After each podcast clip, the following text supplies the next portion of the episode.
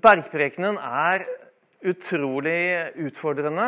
Og, nettopp fordi den er så utfordrende, så tror jeg vi har lett for å eh, feie den under teppet, for å si det sånn. Vi har lett for å glemme den. Det er så mange andre ting som er hyggeligere. Fordi bergprekenen eh, utfordrer oss på det, eh, det mest personlige det, det, indre og det ytre av hele oss. Det utfordrer hele vår livsstil, vår måte å tenke på, vår måte å være på. Eh, og jeg tror at det er mange måter å lese bergprekenen på. Eh, jeg selv har lest den på minst to forskjellige måter. Den ene måten jeg har lest den på, det er å lese den som en lovbok. Og da funker det veldig dårlig. For eh, bryter jeg loven, så er jeg jo dømt. Eh, Galaterne 3.12 eh, så står det loven spør ikke etter tro, men den sier den som lever etter budene, skal ha liv ved dem. Og gang på gang så bryter jeg bergprekenen som lov. Har ikke sjans.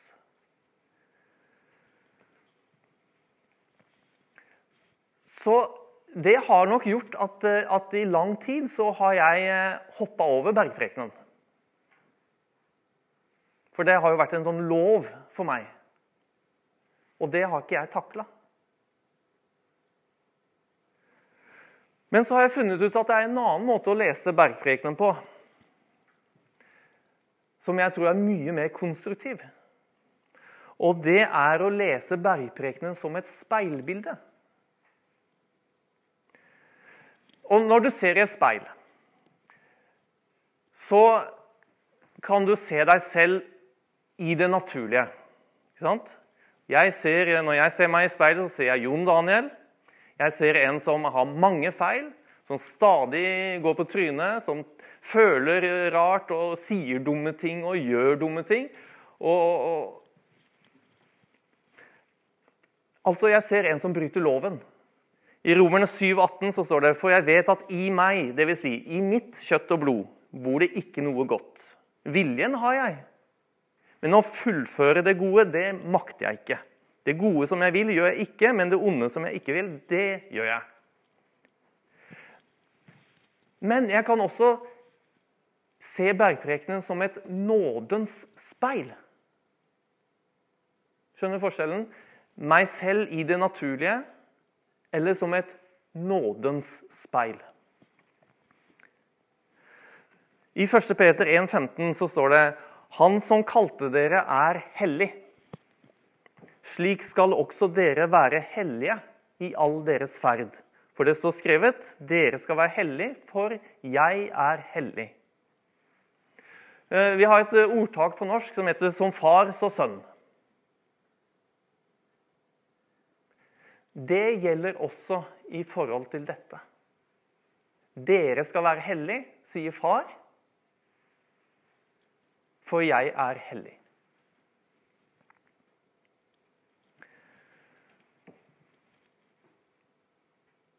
Og, og Litt av min tanke da er jo det at eh, det jeg ser i speilbildet mitt, det er det som jeg preges av. Det blir en del av mitt speilbilde. Sånn at hvis jeg ser fordømmelse i speilbildet, så går jeg rundt i hverdagen med fordømmelse både som følelser og som gjerninger. Men hvis jeg ser nåden, hvis jeg ser Guds hellighet i speilbildet, så vil det over tid prege mitt hjerte og forhåpentligvis komme ut gjennom min munn og min kropp som hellige handlinger og hellige ord. Dere skal være hellige, for jeg er hellig. Hva handler bergprekenen om? Før bergprekenen? Bergprekenen er Matteusevangelium, kapittel 5, 6 og 7. Så det vil si at vi har tre kapitler før selve bergprekenen. I kapittel 4 så står det to ganger at Jesus forkynte. Første gang han forkynte, det var etter fristelsen i ørkenen, og etter at Johannes var kastet i fengsel. Så står det da i Matteus 4, 17, Fra da av begynte Jesus å forkynne, Venn om, for himmelriket er kommet nær. Andre gang vi hører om Jesus eh, at han forkynner, det er etter at han har kalt brødrene Simon og Andreas og Jakob og Johannes til disipler. Og da står det i vers 23.: Siden dro Jesus omkring i hele Galilea. Han underviste i synagogene deres, forkynte evangeliet om riket og helbredet all sykdom og plage hos folket.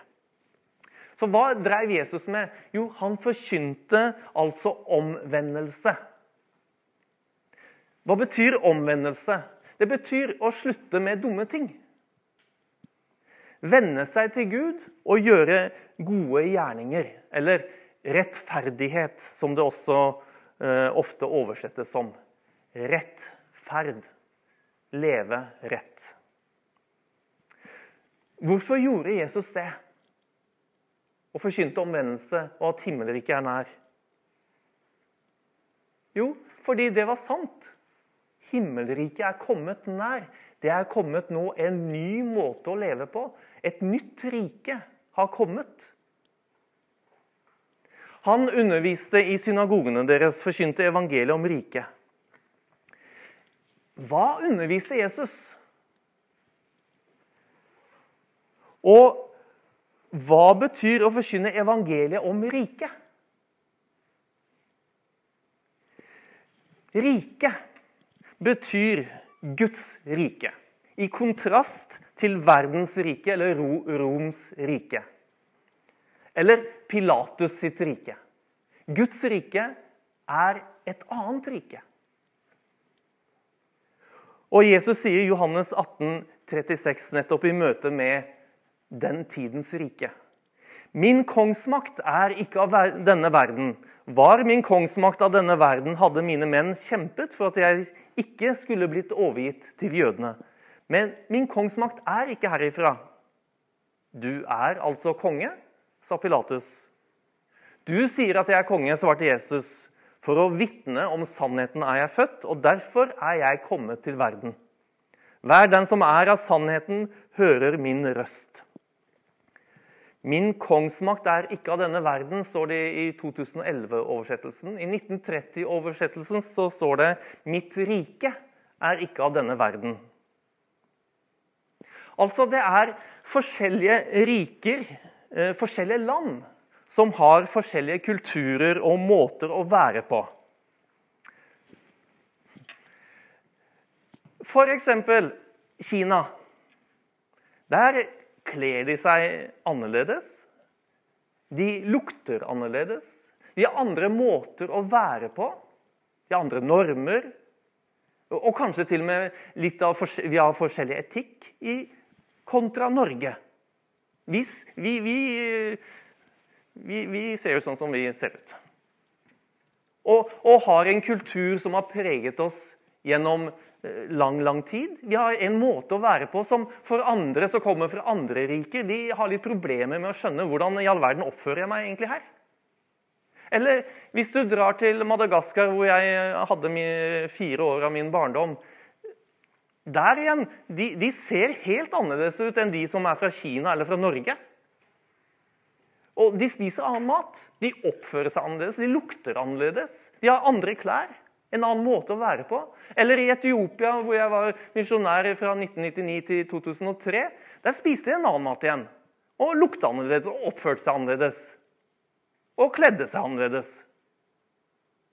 Kontra Norges rike. Og Guds rike, dere, det er annerledes enn alt annet.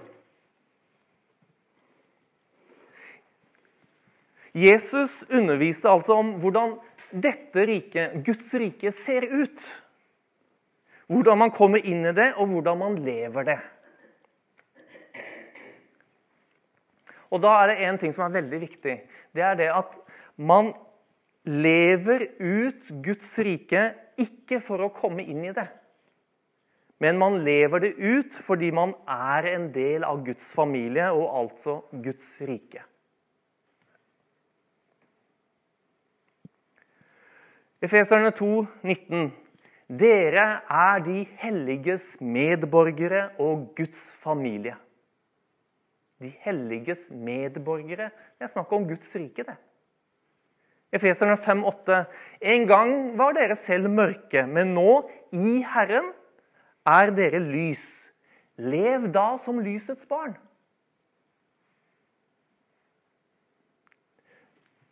Ser du hva Paulus her gjør? Han sier, 'Dere er lys'. Da lev sånn, da. Han minner oss på det. Dere er lys. Dere er de helliges medborgere. Dere er Guds barn. Dere tilhører Guds rike. Lev sånn. For det er det du har inni deg. Det er sånn du egentlig er. Det er ditt speilbilde. Du er Guds barn. Du tilhører Guds rike.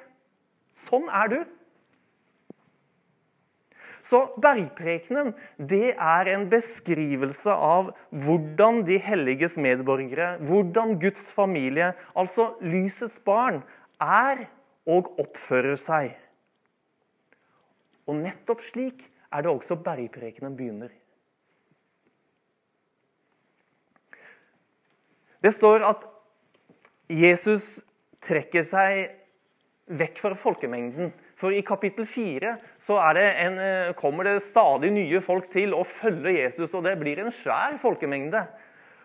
Og så står det da i Matteus 5,1 Da Jesus så folkemengden, gikk han opp i fjellet. Der satte han seg, og disiplene samlet seg om ham. Så ja, hvem er da bergprekenen først og fremst til? Er det den store folkemengden? Nei, det er først og fremst til disiplene. De som tilhører Jesus. Og så kommer en fantastisk beskrivelse av hvordan du ser ut. Hvordan en disippel ser ut. En beskrivelse av de som er salige. Salig er jo et litt vanskelig ord. Jeg hørte når jeg var på stallen her en dag at å, den hesten så så salig ut i dag. hadde på seg godt og fint dekken, og det var sol, og hadde nettopp spist høy, så den var salig. Eller å, i dag kjenner jeg at jeg er salig, dere. Og da, da tenker vi på at vi er litt sånn i brusende følelser. Å, det er salig i dag. Men salig, det betyr det er rett og slett at man gratuleres med sin utrolige, heldige eller lykkelige tilstand nå og fremtidig. Det er, det, er noen, det er, ikke noe snakk om følelser. Det er ikke snakk om brusende følelser eller 'Å, i dag har jeg det ikke så godt', eller 'i dag har jeg' osv. Nei, salig er en tilstand som Gud har sagt over deg både nåtidig og fremtidig. Og nettopp, nettopp de fremtidige løftene som saligprisningen gir, tilsier at de salige det er de som tilhører himmelriket. Og Da kommer jeg på at disiplene fikk jo beskjed om å gå ut og kaste ut demoner og helbrede syke og vekke opp døde. Og Så kommer de lykkelig tilbake. Til og med demonene hørte oss! Er det ikke fantastisk, Jesus? Og så prata de i vei, og så sier Jesus, 'Slapp av, gutta. Ikke gled dere ikke over at demonene er dere lydige.' Men gled dere over at dere har deres navn skrevet i himmelen. Gled dere over at dere tilhører Guds rike. Det er det som gjør at du er glad. Salig oversettes også ofte med glad eller velsignet. Det at du har ditt navn skrevet i himmelen, det er det som gjør deg salig. Og det har du enten du opplever at demonene er deg lydige eller ikke. Gled deg over at du har ditt navn skrevet i himmelen. I saligprisningen i Matteus 5 så sier han det at disse fremtidige løftene Himmelriket er deres. De skal trøstes. De skal arve jorden.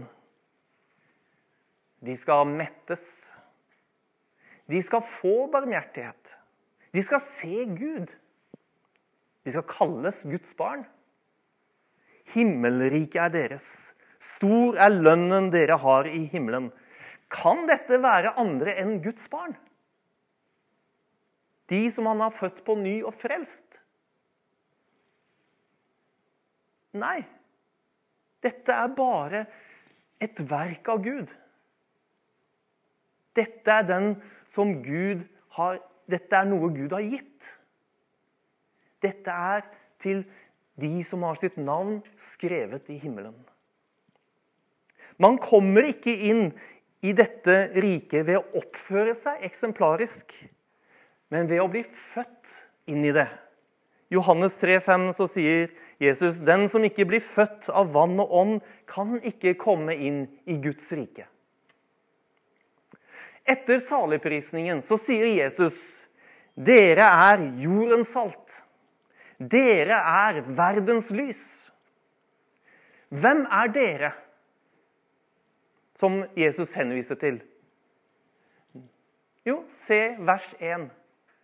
Disiplene som samlet seg om ham. De som tilhører Guds rike. De som er født inn i Guds rike. Så hvordan ser så disiplene ut i Jesu øyne, som han akkurat har beskrevet? Jo, de er fattige i ånden. De sørger. De er ydmyke. De hungrer og tørster etter rettferdigheten. De er barmhjertige. De er rene av hjerte. De skaper fred. Og de, blir, de er forfulgte for rettferdighet og for Jesu skyld. Disse som han her beskriver, de kan ikke gjemmes bort. Like lite som salt kan gjøres kraftløst, eller lys kan gjemmes i mørket. Så sant man ikke har blandet ut saltet med andre mineraler så saltet forsvinner, eller dekker til lyset.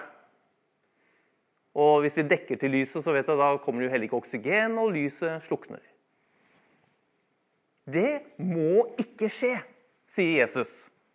Lyset er til for å skinne, og saltet er til for å merkes. Så vi må ikke være flaue over å være salige. Det vil si være Jesu disipler. Guds familie. Rikets medborgere og lysets barn. Men det er én ting som er lett å gjøre. Det er å glemme hvem jeg er. Og begynne å oppføre seg som alle andre. Jakob sier dette i kapittel 1 fra vers 22. Dere må gjøre det ordet sier. Ikke bare høre det. Ellers vil dere bedra dere selv. For den som hører ordet, men ikke gjør det ordet sier, ligner en mann som ser på ansiktet sitt i et speil. Han ser på det, går sin vei og glemmer straks hvordan han ser ut. Men den som ser inn i frihetens fullkomne lov og fortsetter med det, blir ikke en glemsom hører, men en gjerningens gjører. Et slikt menneske skal være lykkelig i sin gjerning. Et slikt menneske skal være lykkelig. Det greske ordet for 'lykkelig' som er her, i Jakob 1, det er det samme ordet som Jesus sier da i bergprekenen. Salig. Salig, lykkelig. Et slikt menneske skal være salig i sin gjerning, kan det også oversettes. Så i bevissthet om at livet mitt Nå kommer et lite personlig vitnesbyrd her. Eh, livet, som jeg sa i begynnelsen, livet mitt er langt fra bergprekenen. Jeg kan si sånn som Paulus sa, at jeg, jeg påstår ikke at jeg, har, at jeg har kommet fram til fullkommenhet eller, eller har nådd fram til det. Så sier Paulus videre men jeg glemmer det som ligger bak, og strekker meg etter det som er foran. Jager fram mot, mot målet. Og jeg vet at mitt liv er langt fra det som beskrives i bergprekenen. Og at jeg ikke kommer langt ved å prøve å levendegjøre det selv heller. Så hvordan kan da bergprekenen få bli en del av mitt liv, mitt speilbilde? Jo, jeg har en tro på at Guds ord er som regnet som faller ned fra himmelen. Og det vender ikke tomt tilbake uten at det har fullbyrdet det det skal. Jeg har tro på at Guds ord det skaper hva det sier. Og i den troen så bestemte jeg meg for, for noen måneder siden at jeg skal, jeg skal lese bergprekenen hver dag. Det er tre kapitler. Det tar ti minutter. Ikke noen big deal. Men med en liten bønn Herre, la ditt ord bli levendegjort i meg. La det få bli en del av meg. Og Så leser jeg, og så prøvde jeg litt forskjellige ting, og så glemte jeg å lese det. og så, Nei, uff, nei det fikk det ikke til. og Skal jeg legge den ved sofaen, eller skal jeg legge den på do, eller hvor, skal jeg legge det? nei. Jo, så fant jeg ut at uh, ved senga, når jeg legger meg det, det gjør jeg jo stort sett. Og da kan jeg ta ti minutter, og så kan jeg, blar jeg fram Nytestamentet og leser Matteus 5, 6 og 7 med denne bønnen Herre, la ditt ord ikke vende tomt tilbake.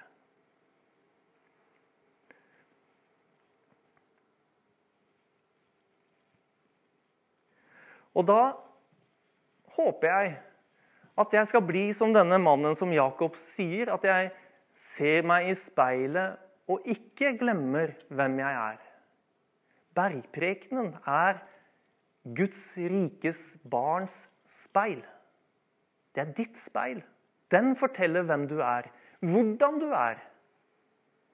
Og Guds rike er annerledes. Vi tenker annerledes enn en, en verdens barn. Vi reagerer annerledes enn verdens barn. Ja, så har vi mange eksempler da, at det, sånn er det jo ikke i virkeligheten. Og jeg har tusenvis av eksempler fra mitt eget liv at sånn er ikke jeg. Nei, men bergprekenen beskriver hvem vi egentlig er. Det er sånn du egentlig er. Du er lys. Ikke glem det, at du er lys. Lev da som lysets barn. Oppfør deg som lys. Lys.